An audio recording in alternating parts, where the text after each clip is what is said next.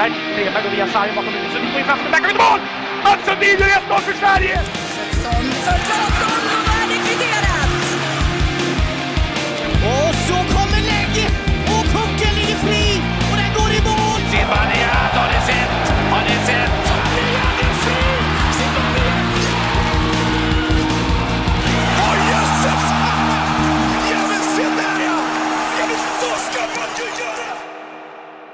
Vi säger välkomna till avsnitt 107 av podcasten Sarg ut. Ligorna är avgjorda.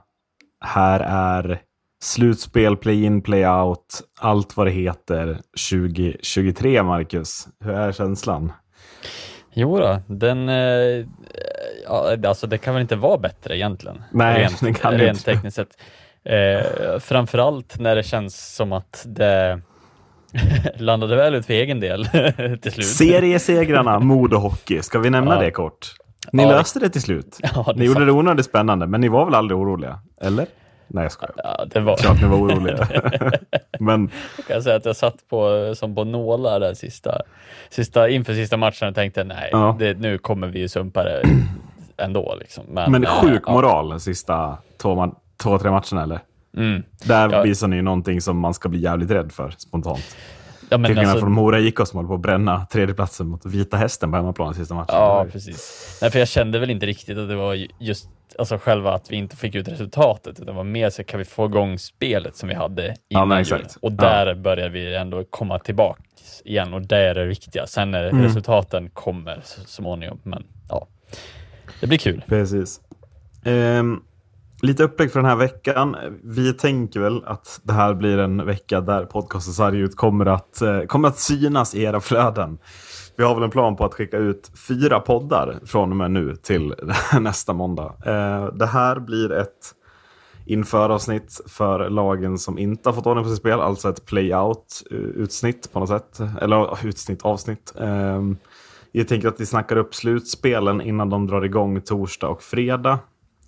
Eh, och sen så kommer ett vanligt sarg ut, eller vad man ska kalla det då, nästa måndag igen. Eh, och där har vi väl lite punkter som man som vi sparar, eh, som väl går att prata om. Jag tänker framförallt på en sån grej som Gustav Rydahls uppmärksammade kontraktskrivning. är väl inget som är så aktuellt att det behöver pratas om den här veckan, utan det kan man ju fortfarande diskutera nästa Mm. vecka. Ehm, nyheter som... som eh, ja, ja det, fin eller, det finns bara en, en plats att börja den här podden på. Ska vi ta en bumper innan, eller? liksom bara startbumper här, för det här behöver ju liksom en skjuts. För Marcus, det finns ju bara en fråga som man kan ställa inför, eh, eller efter vad som har hänt idag. Och det är ju, vart fan är Nisse Ekman? Nej, skämt åsida. Utan frågan är väl, vad håller Brynäs på med? Eh, som alltså för andra kvalet på tre år väljer att sparka sin eh, dyra, högprofilerade eh, liksom, tränare, processtränare inför ett viktigt kval och ta in en liksom, ersättare bara för att lösa överleva kvalet. Liksom. Mm. Ja, eh, ja, det är en bra fråga. Vad, vad Ja. som för sig går i, i tankarna hos Brynäs och vad, som, vad det skickar för signaler eh, inför ett stundande kval. Eh, men ja, det, det är fascinerande hur man väljer att lösa de här. Det, det är inte, alltså, Brynäs har sitt egna sätt att lösa det här på också, känns som. Ja, verkligen. Det, det, det saknar liksom någon form av likheter. Eh, att ta in Ekman och Boumedienne förra gången var ju också en otroligt unik lösning. Ja, Nu väljer man att ta in Ove Molin. ja, ja precis. Och är det inte också, alltså riskerar inte det här att bli så jävla tråkigt för Ove Molins legacy som den Brynäs-legend han är att det kanske är han som står i det där båset när bubblan till sist spricker och Brynäs ramlar ur. För att, jag vet inte hur du tänkte, men om man ser till vad de skickar för signaler. Det var inte så att signalerna var bra förra gången. Mm. Men den här gången stinker de väl ännu, ännu mer på något Mm. sätt. Ja, eh, och det blir ju lite det här det var väl som vi snackade om det här lite med att här, man, man sparkar en tränare som, om man, om man gör det i rätt tid, så får de ju i alla fall en tid på sig att börja implementera sin idé, implementera ett spel, implementera, eh, när man gör det så här direkt inför kval, då blir det ju mer att det handlar om att man bara försöker att förändra ett beteende eller förändra Ja. lite så här inställning och skapa en form av hype eh, in i det här kvalet. Det kan vara positivt, det kan också vara otroligt chansartat och negativt. Alltså det kan ju bli verkligen så här, ja om, om han inte får in sin idé och de fortsätter på Manners inslagna väg eller vad de nu kommer att göra. Mm. Jag menar, hur, det, är inte, det är inte vem som helst som bara kliver in med en idé och applicerar den på en, ja, några dagar. Mm. Eh, det, det, det tvivlar jag på. Och ja, det, det, det känns väldigt chansartat ännu en gång från Brynäs. Och, och blir det liksom inte ännu mer chans, eller ännu konstigare den här gången, för att senaste man gjorde det här, alltså då sparkade man ju ändå Peter Andersson om, omgående bums efter sista omgången i SHL och tog in Ekman och Boumedienne liksom dagen efter. Mm. Alltså så här, Brynäs har ju vetat sedan i tisdags att de ska spela kval. Var, varför sparkar man inte Manner då? Och liksom bara, nu kör du Ove. Från och med nu så bara, du får så mycket, det här, vi kan inte, det här är liksom, vi ger Ove så mycket tid han om möjligt kan få. Han får börja redan på onsdag liksom. Då är det han som står där nere. Tjena, eh, det är jag som kommer leda er i kvalet. Nu blir det så här, det kommer på söndagen. Mm. På, det är väl på tisdag, eller när börjar det? Är det på tisdag? så, Ja. så om det här ska liksom... Jag måste alltså kolla så att det inte här, alltså kan det vara till och med imorgon? Är det så sjukt? Det, det, ja, oavsett när det är Nej, så är det ju på tisdag är det. På tisdag är det. Eh, ja. O, oavsett när så känns det ju fortfarande som att här, han, Ja, han varför väntar man sparka Manner om man ska sparka Manner? Vad är det som har hänt? Mm. Från torsdagens uttåg då, till nu på den här söndagen som har gjort att Mikko Manner har fått stå i två dagar och förbereda Brynäs för ett kval. Men sen så ska Ove Molin bara få två dagar på sig att förbereda Brynäs för ett kval på sitt sätt. Och det tror jag nästan kan bli liksom... Ja, men det kan ju bli det som, som fäller helt avgörande för Brynäs. här, Att det, det är inte tillräckligt med tid. Och man hade chansen att ge Ove Molin tid på något sätt. Ja men det är ju att man tror på någon form av gammal ritualtänk liksom att nu Ja. går ni in och kör fullt ös och bara vinner. Alltså Ja. att, att det ska vara den nivån av att bara förändra det liksom, den typen av inställning och det är Mm. väl det som blir lite oroväckande. Att Ove Molin ska stå och hålla brandtalen för varje match och berätta hur mycket Brynäs betyder för honom och för Mm. Gävle. Och liksom, ja. Precis, och, Ja. och frågan är om det blir bättre eller om det bara fortsätter att vara eh, lite halvmediokert ändå.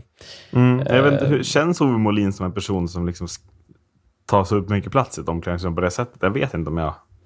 Alltså det Känner det mer, riktigt. jag vet inte om man hade känt en, en form av liksom en annan typ av så här, okej det här är en Brynäs-ikon som blir att man brinner för klubben mer. Att det, så här, det här är superviktigt för honom, superviktigt för hela klubben mer. Att, någonting Mm. sånt, att de vill kanske skicka den signalen. Så här, okej nu, nu är det på allvar liksom. Men det känns Mm. ju också som att det kanske man borde ha gjort redan för 15 omgångar sedan. Eh, Ja, ja. Så att, ja nej, det, det är svårt att, att ta in den här ur ett liksom, taktiskt perspektiv. Eh, det är mer i form av en chansning att få igång hela gruppen, typ. Mm. Eh, vilket stör en, en hockeytänkare ändå. på. Och liksom, men också kan vi då sp- spåna lite bara kring Brynäs. Men alltså, har ett SHL-lag någonsin mått sämre rent klubbmässigt än vad, alltså, än vad Brynäs mår just nu? Alltså nu känns det som att man ruttnar inifrån. Som att Mm. det liksom är någon form av svulst som bara sprider sig och liksom bara tär på varenda gren i den här föreningen. På alla håll och kanter på något sätt. Mm. Eh, det känns så otroligt ofriskt, eh, Mm. det, det som sker. Och jag vet inte. Det, det blir mycket kritik mot Alsen och, och ordförande och klubbdirektören, alltså liksom styrelsen. Att det här är, de är ju uppe på den nivån nu, supporterna kritiserar att det är ett styrelseproblem, klubbdirektörsproblem, sportchefsproblem. Ja, jag vet inte, någonstans sitter problemet, men det krävs ju någon form av total cleansing, är nästan känslan. Att så här, ut med allt, in med helt nytt och så total reboot bara. Mm. På något sätt. Ja, och, och här vill jag väl ändå, ändå skicka mina eh, kunskaper utifrån erfarenhet. Eh, att det känns lite som att Brynäs har landat i samma typ av problemnivå eh, som Modo hade när de åkte ner. Mm. Att det känns som att man bara tuggar, tuggar, tuggar på på samma, liksom så här, varför funkar inte det här? Och så vill man inte göra för stora förändringar i organisationen eller man vill Nej. inte göra för stora liksom. Och Alsen, det är väl någonstans han som har tagit förmodligen något form av beslut tillsammans med andra att det här är rätt, rätt väg Ja, att gå. eventuellt att styrelsen är inblandad då, på Mm. något sätt. Tänker jag också att styrelsen kan ta ett beslut att vi vill inte ha kvar den här tränaren. Och där finns det väl också så här att kanske hade det varit bäst att bara skicka ut liksom så mycket man kan för att Mm. bygga om och göra rätt från första början. Eh, Det tog Modo ett bra tag innan det hände. Nu har det väl hänt, men jag vill bara liksom, jag ser När var det. Modo träffade rätt? Det är när Fredrik Glader tar in Mattias Kalin lite, eller? Alltså, eller var... Det Ja. är där man hittar liksom två, Ja, två personer som jobbar ihop, sportchef och, och Mm. tränare, och liksom bygger ett lag som de två är över till. Ja. Framförallt när Glader tar över, tror jag, är väl själva där någonstans Mm. som det, det, det vände lite. Men ja, det ska ju in någon som faktiskt alltså så brinner och kan för att bara leta rätt spelare och leta rätt Mm. tränare och så vidare. Nu känns det, vad är det, åtta tränare Brynäs har gått igenom på senaste någonting. Ja, profilerade tränare också. Men, Mm. men framförallt också, Brynäs går igenom det här med, med en fruktansvärt, fruktansvärt dyr spelartrupp. Eh, och det är ju på nå- någonstans så måste det börja... Alltså, dels så måste man liksom hitta ett, ett par, ett sportchef och tränarpar, att sportchefen och tränaren, de, de ska komma överens om alla värvningar ihop. Jag tycker om man tittar på Brynäs trupp idag, där har jag varit inne på tidigare, men jag tycker det känns som att halva truppen, det är Johan Alséns värvningar. Och den andra halvan, det är ett gäng finnar som Mikko Manner har pekat på att de här vill jag ha också. Eh, Mm. så, så du vet bara liksom. Eh, och, och sen så är det ju spelare som måste köpa in sig på de här, alltså på deras vision när de kommer hit. Att du är handplockad för att vara den här rollen. Det är ju spelare som inte köper sin roll överhuvudtaget. Det är så tydligt. Och då Mm. blir det liksom inget... Ja, det blir ingenting av det. Utan de åker bara runt och är på något Mm. sätt. Och det var väl också lite Modos problem Mm. ett tag. Att ni hade massa spelare som, som togs in och, och inte riktigt köpte sin roll. Utan det regnade in lite Ja, det var alltid från Michael Boivin till den här ryssen Sykov. Alltså det var helt, det var helt sjuka namn om man börjar tänka tillbaka på Modo. Liksom. Och det här börjar likna lite lika fast det är på en, på en SHL-nivå Mm. eh, för Brynäs. Men att, att eh, eller så, man bygger inte ett lag utan man bara tar in spelare som man tycker är bra och som är dyra. Men som man inte hittar en rimlig roll för i laget. Och så spelare som inte köper den rollen och sen får. Eh, Mm. ja, Anders Lindbäck är ju ett exempel i år tror jag. Liksom med Olkinor kommer in och Lindbäck, ja, där går ut från plan. Liksom. Ja, absolut. Och jag menar, jag tror att det farliga i en förening blir lite det där också. Att så man, det, det är så lätt att det landar i att det är en person som ska vara kunnig eller man, vill, man har liksom den här, man har den här, okej, han och jag vet jag att jag spelar med någon en gång i tiden, han är bra. Istället för att man faktiskt har, har det Okej, har jag några referenser på den här spelaren? Fler referenser än bara det här? Är det bara för att jag har haft den här synen på den? Kan man kolla alltså, utifrån ett större perspektiv än jag tror att det blir farligt när man har liksom så här, ja men typ som mannen, ja men han var bra med oss där borta liksom. Att man har flera referenser som kollar så här, hur ser han ut där borta nu, hur har han liksom så här, det handlar inte Jo, bara om att bygga ett också- lag med pengar. Precis, och, och Johan Sen upplever inte jag har det. Liksom, när Manner pekar på en sån spelare som Hannes Björninen exempelvis. Mm. Jag upplever inte att Johan Alsen har ställt motfrågan. Vilken roll tänker du att han ska ha? Mm. Tänker du att han ska vara vår första center? Ja, fast på plats finns Greg Scott, Anton Rödin. Eh, vad har vi mer för spelare? Ja, men alltså så, det, det finns spelare på plats som ska spela i första kedjan. Björnen kommer inte få plats där. Johan Larsson är här. Alltså så här, vi, kan inte bara, vi kan inte bara ta in honom. Du ska tänka honom i första kedjan. Och då har vi redan andra spelare vi har lovat den positionen som inte... Alltså så, som måste flytta på sig. Och att det är någonstans där som jag tror att Brynäs supporterna börjar hamna i att det här är också ett sånt jävla styrelseproblem. Det är styrelsens ansvar att tillsätta en bra sportchef. En sportchef som hittar en tränare som den vill liksom kommer överens med hur man vill bygga laget, vad man vill spela för typ av hockey och därifrån letar efter profiler som passar in i det bygget. Det här är ju de hockeyallsvenska klubbarna väldigt bra på för att man har en så begränsad budget att man måste jobba på det här sättet. Och i många av toppklubbarna ser vi det, att det funkar på det här sättet med, med värvningar och liknande. Det är bara att kolla, kolla en bit upp i tabellen och titta på Oskarshamn. Ja, Det- jo men precis. Det, det handlar inte om pengar, utan det handlar om att tänka smart. Och tänka liksom, okej, vi kan lägga pengar på rätt saker, rätt spelare, men sen lär vi börja tänka efter, så här, vad är det som vi faktiskt kommer att behöva. Liksom. Och det är ju bara, alltså, det måste Brynäs sätta sig ner och titta på själva. Alltså det kan inte finnas en möjlighet att man bränner så mycket pengar och inte kommer längre än, Nej, än en botten två. Och, och jag tycker Timrå är ett annat jätteperfekt exempel i år. Att Mm. här, liksom, om man går till truppen tidigt. Vi har sex spelare på ingång som kommer att vara vår topp två kedjor. Mm. Och alla de övriga, alltså Anton, Anton Lundin, en sån spelare, eh, Jeremy Boys Rotevall, Erik Wall i Valterholm. De köper in sig på att vi ska vara i tredje och fjärde kedjan. Och därifrån Mm. ska vi göra så bra som möjligt som vi kan utifrån de förutsättningarna. Och de, de har ju också köpt in sig på den delen. Det har inte de som spelar i tredje och fjärde kedjan i Brynäs gjort. Utan de är ju bara så här, jag borde spela högre upp. Alltså det, det, blir, det, det är ju så jag menar att det är så tydligt att det inte finns någon harmoni i Brynäs. Och det här är, och så, så gör man en sån här grej. Så här, Ove, kom in och lös det här. Ja. det blir liksom, ja. Jag vet inte. Det känns he- helt sjukt hur man vågar göra det igen också. Eller hur tänker du? Att man hamnar här igen på tre år. Att man hittar en nödlösning inför kvalet som bara handlar om att rädda, rädda, rädda. Liksom. Ja, men det skriker väl lite också att man har slut på nödraketer.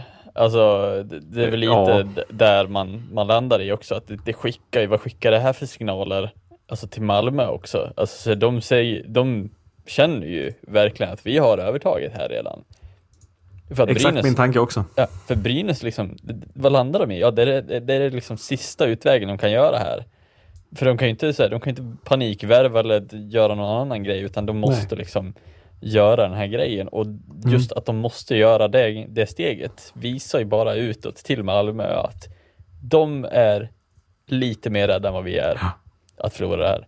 Eh, jag tycker att det känns som en sån otrolig liksom, sån signal eh, som, som skriker att det här är nog året som vi kommer se Brynäs spela Hockeyallsvenskan. Mm. Ja, jag är Eh. helt med dig. För att jag är också lite så här, Brynäs har hemmafördel här.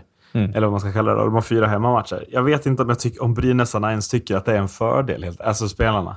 Mm. Om de orkar åka ut inför den hemmapubliken här med, med, den, med de kraven på sig. De är ju favoriter att vinna. Mm. Liksom. Alltså, någonstans också. De, supportrarna har ju det kravet att vi ska ju slå Malmö.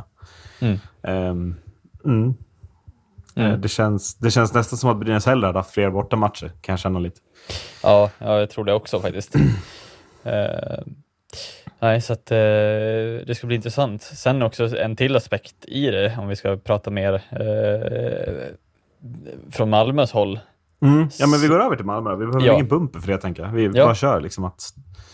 Vad tänker du?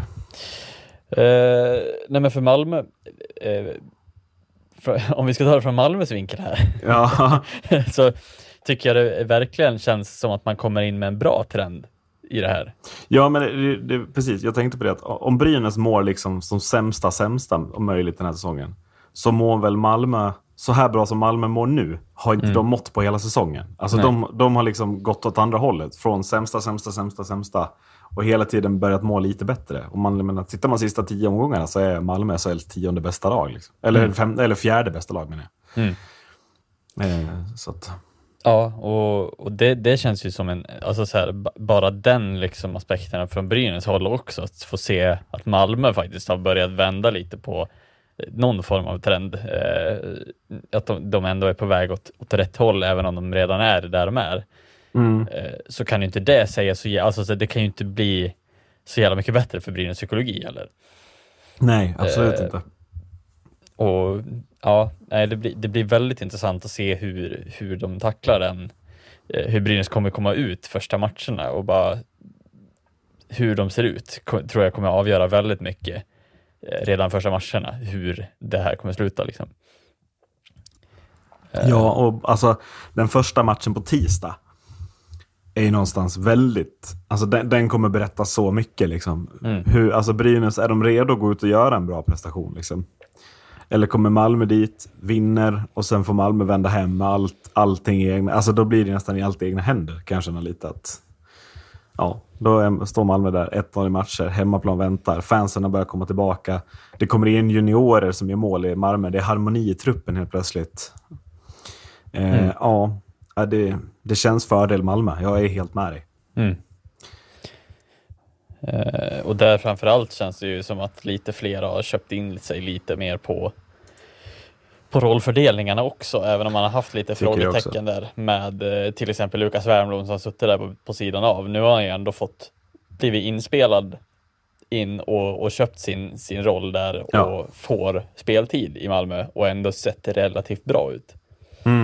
Eh, Kim Rosdahl en annan tycker jag. Som, Mm. som har höjt sig, som har börjat göra poäng igen. Som har liksom insett att jag, jag kan inte bara åka runt och glida här och tro att jag får speltid. Utan jag måste jobba för den speltiden. Liksom. Eh, och, och har verkligen börjat göra det på ett bra sätt.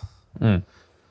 Kan jag känna. Eh, Jag hittar ju intressant där Carl Söderberg har spelat med Rosdahl. Jag tycker det är intressant. De, jag tycker de har börjat hitta en intressant kemi här som jag tror kan bli jätteviktig för Malmö i den här. Det kan vara den spetsen de behöver just över de här matcherna. De två pikar lite. Mm. Eh, ja. Ja, absolut. Eh, vad tänk, alltså jag tänker också... Alltså, tänk- bara Malmös... Alltså, är, det en, är det en skadesituation de har? Eller vad är det som har gjort att de har haft så mycket juniorer som har spelat? Vet Det är en skadesituation vad jag läste om mot Leksand. Det var hur länge sedan det är? Det är Ja, det, det jag vet sedan. inte, men jag, jag, bara sista Det matchen i SHL nu där när man vann mot Luleå borta. Så Mm. hade man ju, eh, ja men det var väl två juniorbackar och sen hade man väl, han Anton Wahlberg har i och för sig spelat till sin position, 05 Mm. men han är ju fortfarande junior och sen var det väl ytterligare, jag tror det var nästan 6-7 juniorer på ordinarie fyra kedjor. Mm. Och det kan jag tänka, om, om skadesituationen är så allvarlig så är väl det ändå någonting som skulle kunna vara väldigt negativt för Malmö här. Att när det verkligen gäller så behöver man ha de spelarna med lite mer rutin. Det är jobbigt att komma in som 05 och spela en sån här match. Det är man inte riktigt redo för. Med all rätt såklart. Men att det är väl något som Brynäs rutinerade rävar skulle kunna utnyttja. Liksom. Sätta hård press på sådana spelare hela tiden och se hur de reagerar på det. Ja, precis. Eh, för de saknade ju Carl-Johan Lerby, Emil Silvergård, Fredrik Händemark, Lans Boma och Johan Olofsson. Men, Inga dumma tapp för övrigt. Nej, precis. Men han- Thomas Kolla sa att planen är att de ska vara med när, när de möter Brynäs på tisdag. de är, Så att, de, vi- de, det är liksom bara säkerhetsåtgärder. ja, det kan Mm. vara så. Eh, och det är väl otroligt smart av dem också. Att så här, hellre, istället för att man kastar in de sista matcherna som inte spelar så stor roll, så bara Nej, men dem. verkligen. Eh, för det är ju otroligt taktiskt. Eh, Hur ser du på den aspekten? Alltså att Malmö har fått förbereda sig lite längre för kval också.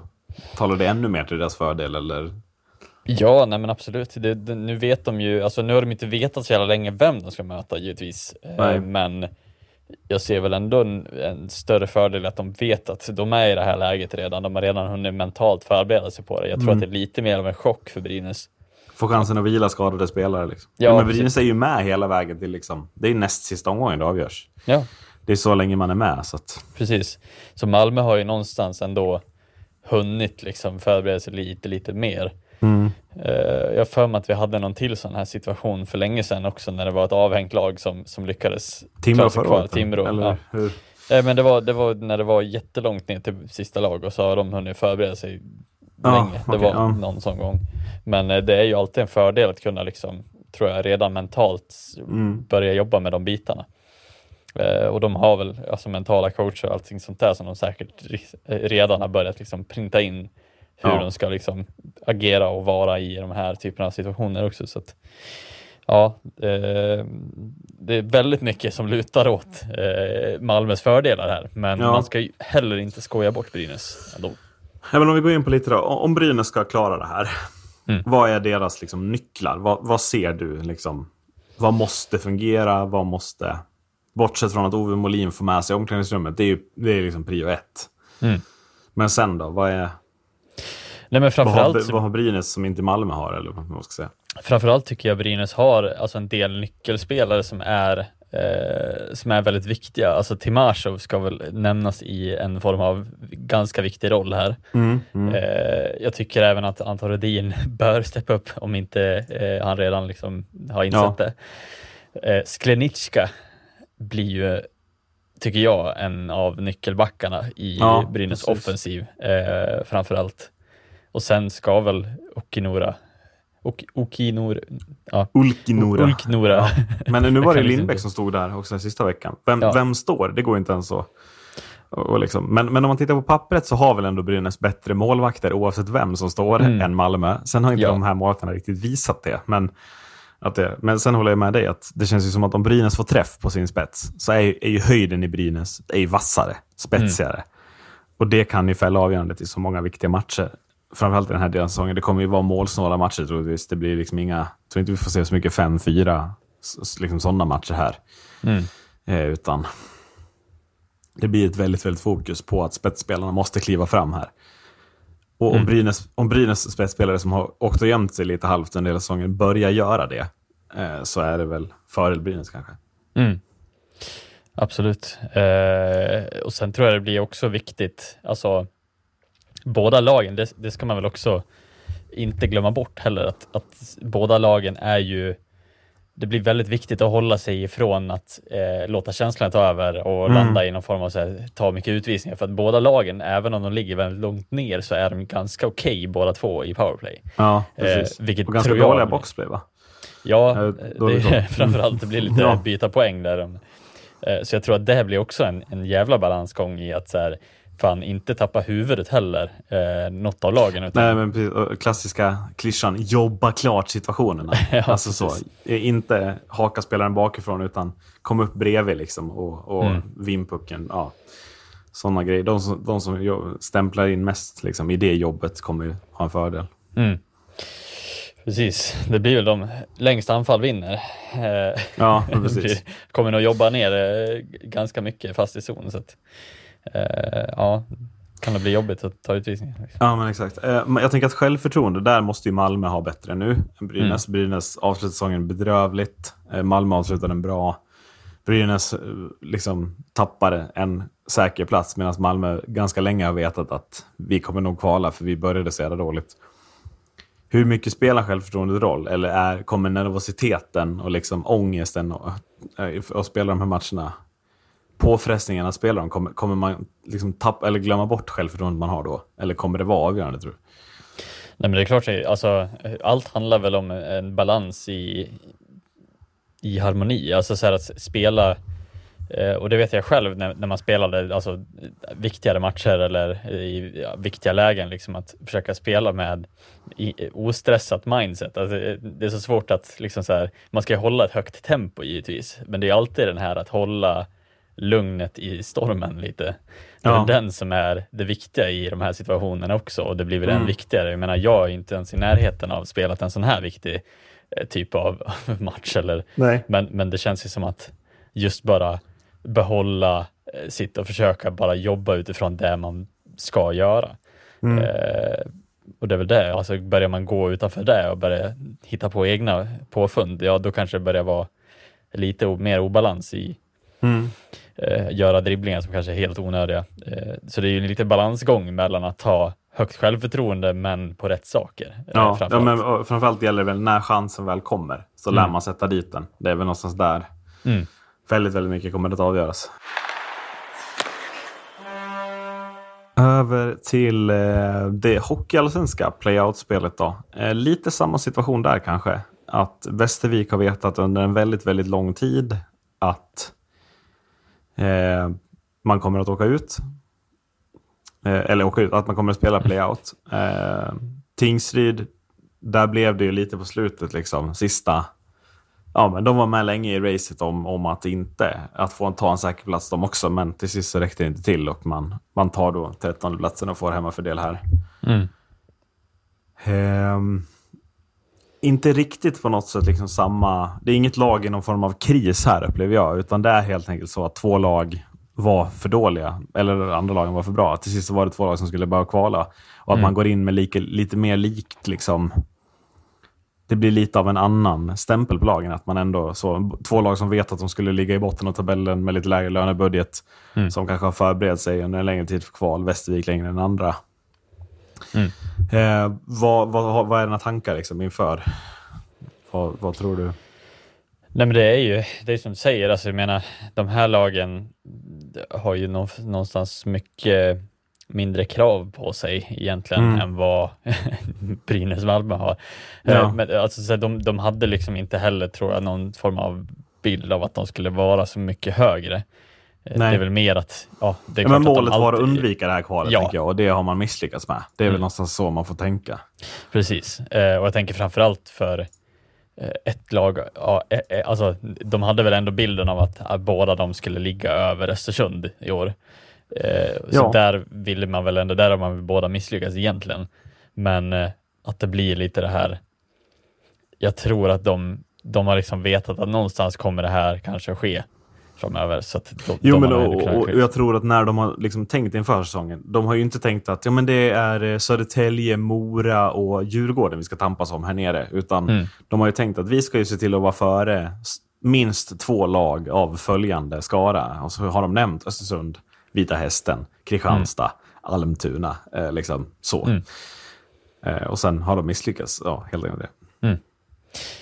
Ja, eh, nej och tanken är väl lite också att det här lite av fasadbygget eh, kanske fallerar framförallt för Västerviks eh, sida, Mm. från den sidan att det känns lite som att de har levt mycket på de här importerna som de faktiskt har liksom lyckats med. Det ska man ju inte liksom vara, sk- skymma undan eller något sånt utan det är mer att nu kanske det blir lite mer allvar att man kan inte bara jobba så heller, utan man Nej. kanske måste liksom titta lite, okej, kan vi göra så i början och sen bygga upp en grund för att sen fortsätta.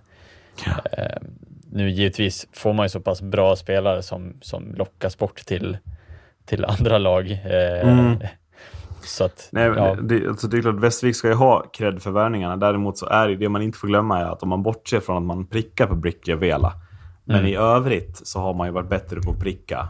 Eh, alltså, andra, alltså de andra också. Jag menar nu, de andra har den här säsongen, det har varit Alexis Daoust, han har lämnat. Troy Loggins, han har lämnat. Grayson Pavlenchak, han har lämnat. Ian Edmondson, han har lämnat. Och de fyra importerna ersätts av, ja men det är McCoy Erkamps, Matteo Gennaro, Cole Ully och Josh Winquist. Man ersätter ju bara spelare med exakt samma spelare och hoppas att de här nya de ersätter med är bättre.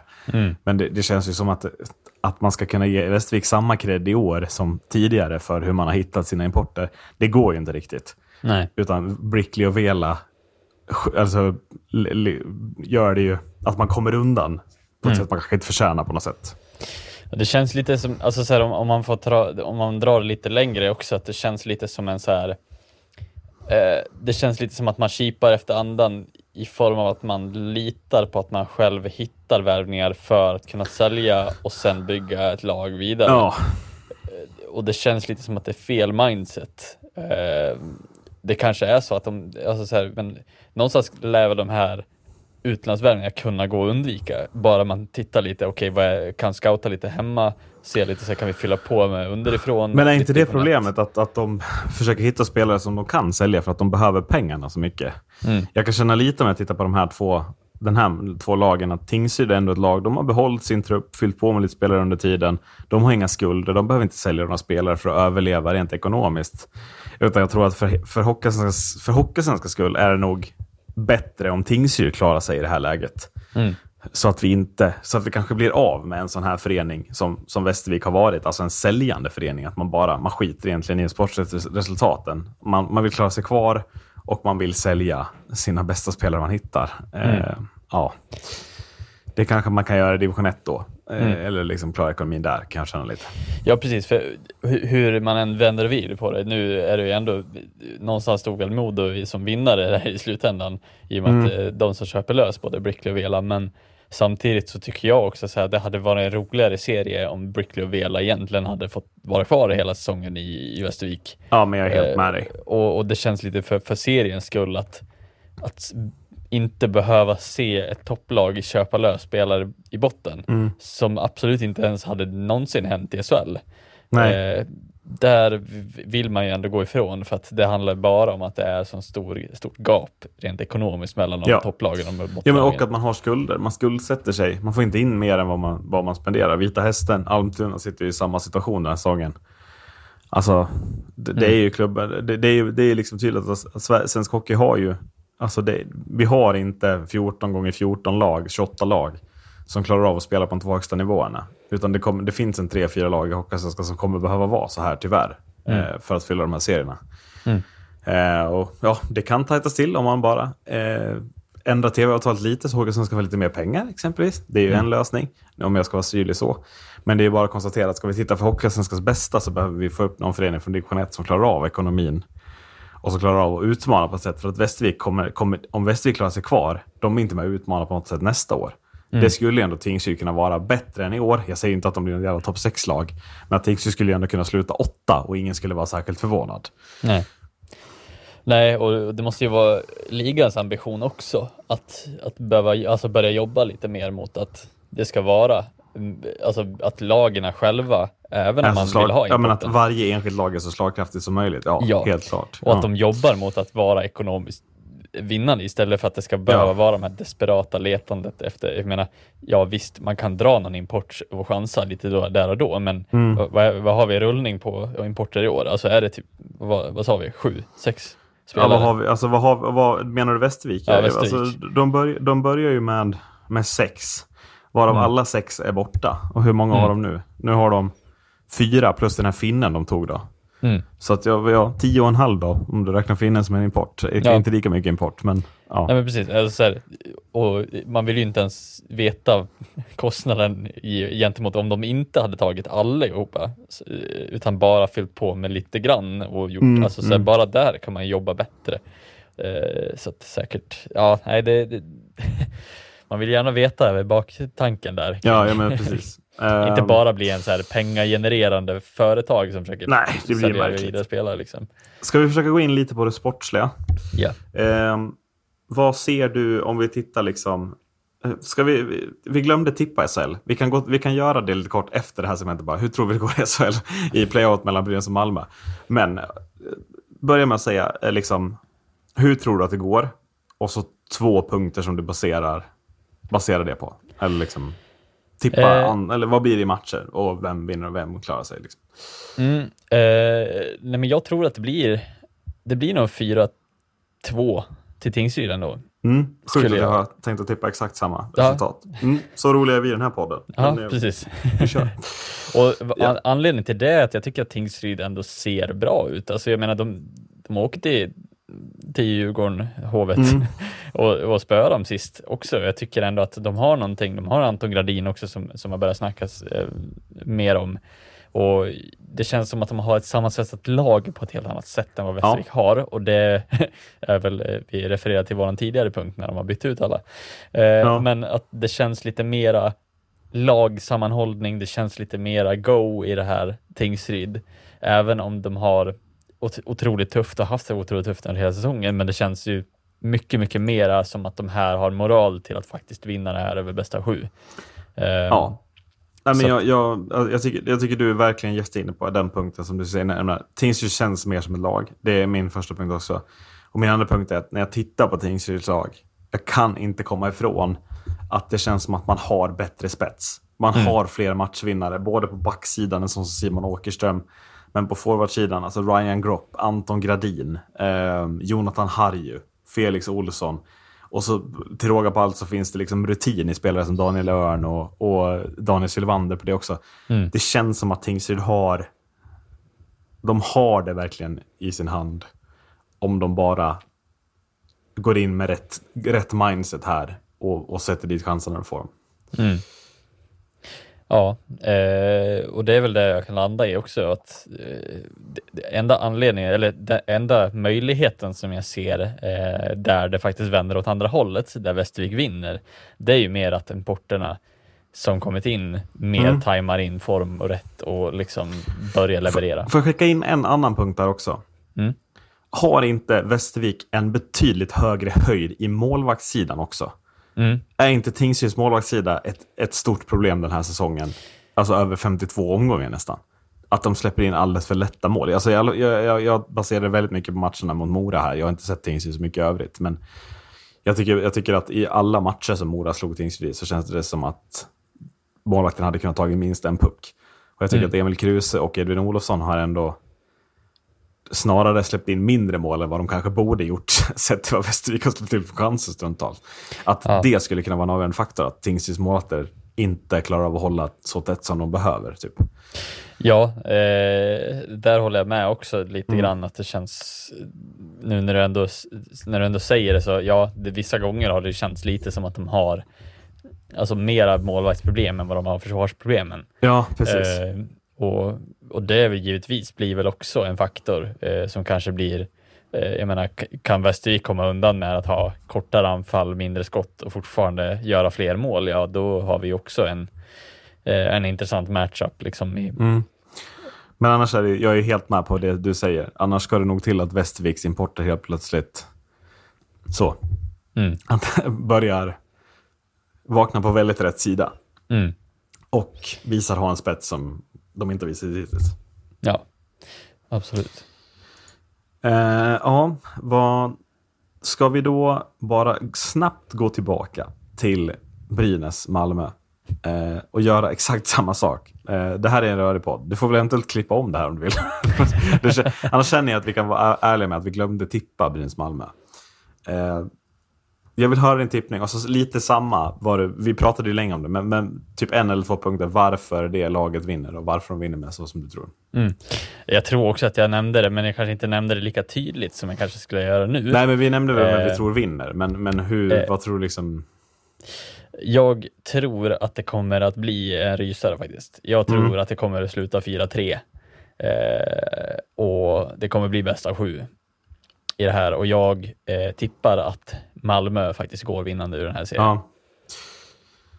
Eh, jag ger mig på en och sticka ut rejält då. Jag kan ju inte Mm. hålla mig den chansen. Eh, så jag säger att det som lyckades för Brynäs förra gången inte kommer vara i närheten av att lyckas igen eh, med att rädda med en ny tränare. Så att jag tror att Malmö vinner med 4-1 i matcher. Mm. Och bara Brynäs bara fallerar här. Eh, jag ser det hända till kanske i alla fall 20% när jag tittar i korten. Så varför inte chansa på de 20 procenten? Det där var väl ungefär 40 minuter. Ska vi ta lite play-in också eller? Det har vi väl tid med. Ja. Ehm, både, I båda serierna har det börjat. Ska vi... SHL. Eh, ska vi... Leksand-Rögle kort. Man ser inte riktigt Leksand bränna två raka hemmamatcher va? Efter att ha vunnit borta. Det känns som att Leksand kommer att gå vinnande ur den till slut va? Ja, eh, ja nej, det, det, jag skulle se det lite som ett fiasko om de bränner två hemmamatcher. Ja, faktiskt. Eh, Sett att de gör en ganska bra match också på bortaplan här. Eh, på något sätt. diskuterade lite det där igår också. Är det inte lite negativt att ha två avslutande hemmamatcher om de nu skulle förlora eh, första på bortaplan? Det var en liten... Jag var, ska vi inte ta det, för jag håller ju helt med. För att, framförallt är det väl en jättefördel att börja hemma om man ska ha två bortamatcher sen. Alltså, det, Mm. Jag tycker ju ändå att de borde, även om jag fattar att det finns en vits i att det ska gå fort och att det spelas två matcher på två dagar på hemmaplan. Men jag tycker ju ändå att Leksand och Oskarshamn ska få börja på hemmaplan här någonstans. Mm. Jag tycker det blir fel att... Eh, ja, Alltså det nästan krä... det, alltså jag vet inte, det krävs ju typ att, att eh, ja men så som Leksand, att de nästan vinner borta. För att ligga under med 1-0 och så två, ta två raka, det är inte skitlätt liksom. Nej. Utan man ska få hemmaplansfördelning i första matchen och liksom få chansen att ta ledningen med 1-0. Det är så jävla viktigt här. Ja, men framförallt det ekonomiska också. Alltså, de, de Mm. vet ju inte om de kan sälja ut två matcher i rad istället för att det blir... Nej, det vet, de- det vet de i Ja. och för sig inte om det, om Nej, det hade om- haft om det- börjat hemma heller. Men Nej, men precis. Eh, nej, men, om det Men, eh, blir... Ja, men de- kan ju fortfarande ha två i rad, alltså eh, två hemmamatcher i rad istället för två. ja, ja, avslutande. Ja. Jag Alltså, hade ju hade gillat varit- hemma borta hemma. Jag tycker Ja, att alltså, det ja, får man absolut. fan, de får så mycket pengar i lagen att det får de fan se till att lösa. Ja, ja absolut. Eh, men eh, jag tänkte bara utifrån att de redan har det nu. Ja, så kan det bli, ja. Ja. Ehm, Lian Bichel. Är det den totala slutspelsjokern eventuellt? Två mål Mm. på två matcher nu. Varit riktigt, riktigt bra. Är så där grisig som han kan vara trots att han är så ung. Liksom. Är det här gullegrisen eh, i slutspelet för Leksand som bara dyker upp här som, som ett brev på posten? Eller som från ingenstans? Ja, ja så jag ser väl eh, många, många bra grejer med, eh, med Leksandsmatchen också. Jag tycker att det finns, eh, det finns liksom en, en bredd som tydligt talar för att Leksand kommer att gå vinnande ur den här serien i alla fall. Mm. Eh, och ja, Liam Bichel ser eh, otroligt be- mycket bättre ut än vad han sett de tidigare år. Eh, och tidigare i år också framförallt. Eh, så jag, jag tycker ju verkligen att det, det är någonting som, som de ska vara glada och nöjda över eh, just nu. Mm. Ja, men just också som man har prickat formen typ senaste fem matcherna. Att han helt plötsligt dyker upp här och är Mm. liksom, kanske gör sina bästa matcher för säsongen nästan. Ja. Eh, här och liksom får avgöra den här matchen. Alltså. Mm. Mm.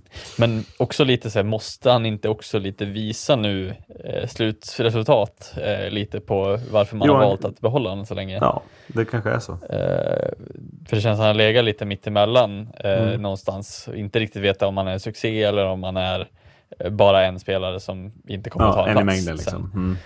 sen. Eh, så att ja. Eh, men ja, jag, jag, jag håller med. Eh, Det känns som att han, han kan ju potentiellt, det finns många jokrar i det här laget som jag tycker Ja, men jag, en sån liksom, vill se mer. outsider som bara dyker upp från ingenstans. Det brukar ju vara en eller två varje slutspel. Bara, Jaha, han är tydligen bäst från Mm. ingenstans. Liksom. Ehm, den andra semifinalen, eller semifinalen är vi inte i, play-in play-in-matchen ska jag säga, uh, står mellan Luleå och Oskarshamn. Eh, jag tycker Oskarshamn visar på en enorm svaghet på en viss speciell punkt när de förlorar den här första matchen. Och det är att de är, all, de är lite för dåliga på att stänga matcherna. När de leder med 1-3 där, de behöver kunna stänga den matchen. Luleå har varit så dåliga på att göra mål hela säsongen. Och man tillåter dem göra fyra mål i andra perioden, tror jag det är. Det är, mm det är lite, lite för onödigt av Oskarshamn om de vill ta sig vidare. Nu har de två hemmamatcher kvar. Jag tror att det är betydligt större chans att den här matchen går till tre matcher än att Leksand-Rögle gör det. Ehm, men ja, vad tror du då? Kan Oskarshamn vända det eller hur tror du att det... Ja, nej men, eh, och här är vi väl lite tillbaka till det vi snackade om tidigare för, för någon podd sedan, men att Oskarshamns förmåga att spe, inte behöva spela lika, de spelar inte lika strukturerat på ett sätt som de andra lagen kanske gör. Precis. Och har lite, lite friare roller, lite friare liksom, vilket har varit positivt för dem. För jag menar, ja, titta, de gör ändå rätt många mål på Luleå, som har ett av de bästa försvaren i hela ligan. Ja, men, jag menar, och, och, det är väl liksom att när de är i form och prickar formen med det spelet, då är de liksom, flyger de till en höjd som är helt absurd. Men att när de inte riktigt är i form så blir det lite, lite för, alltså sådär, de behöver ha en plan här för att vid 3-1, då behöver de kunna ta liksom nästan en timeout och bara, nu grabbar, nu går vi över till den här planen, vi spelar enkelt ut, men spelarna har det liksom inte i, i, sin, i sitt DNA i Oskarshamn just nu att ta den enkla vägen eller att bara lägga på mål eller liksom sådana spela enkelt, utan de har sin, sitt sätt. Och det är bära eller brista. På något Mm, precis. Och där fick vi ju se den stora, liksom, det stora hålet i den, i den planen igår. Ja, men verkligen. eh, att Luleå kommer ju ikapp och hämtar upp ett ganska, ja, skulle jag säga, ganska solklar spik på Oskarshamn i, i en vanlig scenario. Liksom. Ja, Känns men som. precis, precis. Eh, det där ska ju ett SHL-lag lyckas stänga igen, känns det som. Eh, men eh, ja, nej, det är intressant. och jag tycker det är också sättet de till på. Är det inte lite för lätta mål? Alltså så, som Kinnimi, han får vandra upp bakom kassan och lägga in en backhand. Liksom. Fan, kom igen, sänk jäveln då. Liksom. Eh, det måste liksom visa lite på rutinen där också. Att, vi, bör, vi kan ta bort lite chanser och, och sätta lite, alltså så, än att bara låta det gå liksom. Får jag bara bolla vidare på din sänk där? Sänk, för det gjorde ju vad William Vorge Kröj, ja. Det gjorde ju han faktiskt och fick fem minuter match. Ja, så att, jag såg ja, eh, jag tror att han tog lite för hårt på den eh, instruktionen Ja. kan man säga. Precis, nej men inte sänka på det sättet utan kanske liksom, om, om man hamnar lite efter, men ta någon hakning. Det tillåts mer i slutspelen, du kanske slipper en eller två liksom bara på... Ja, man måste våga, våga ta lite obekväma beslut och inte liksom köra på serielunk. för att det blir det är något annat direkt play-in börjar. Då är det, och Luleå hade ju en slutspelsväxel. Jag menar den växeln de visar på när de vänder den här matchen. Det har vi inte sett Luleå göra på 52 omgångar. Det som de gasar på. Så att, Nej, de har väl inte gjort fem mål på hela Nej, nej, men, nej, men alltså det, de, det de visar upp från det att de får underläge med 3-1, det är ju någonting, Mm. det, det har vi inte sett. Det gör ju dem så sjukt intressanta i det här jävla slutspelet Mm.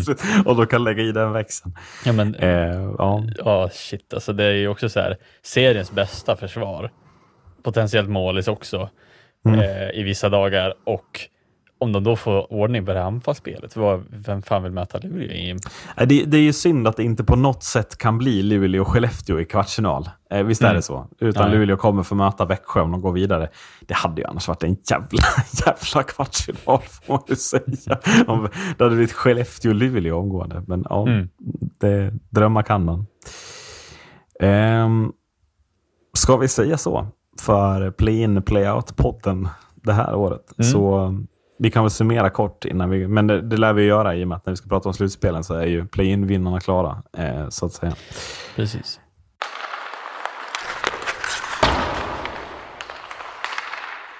Hej och välkomna in i segmentet ljudteknikerns hörna. Det här är otroligt speciellt att prata in här på egen hand.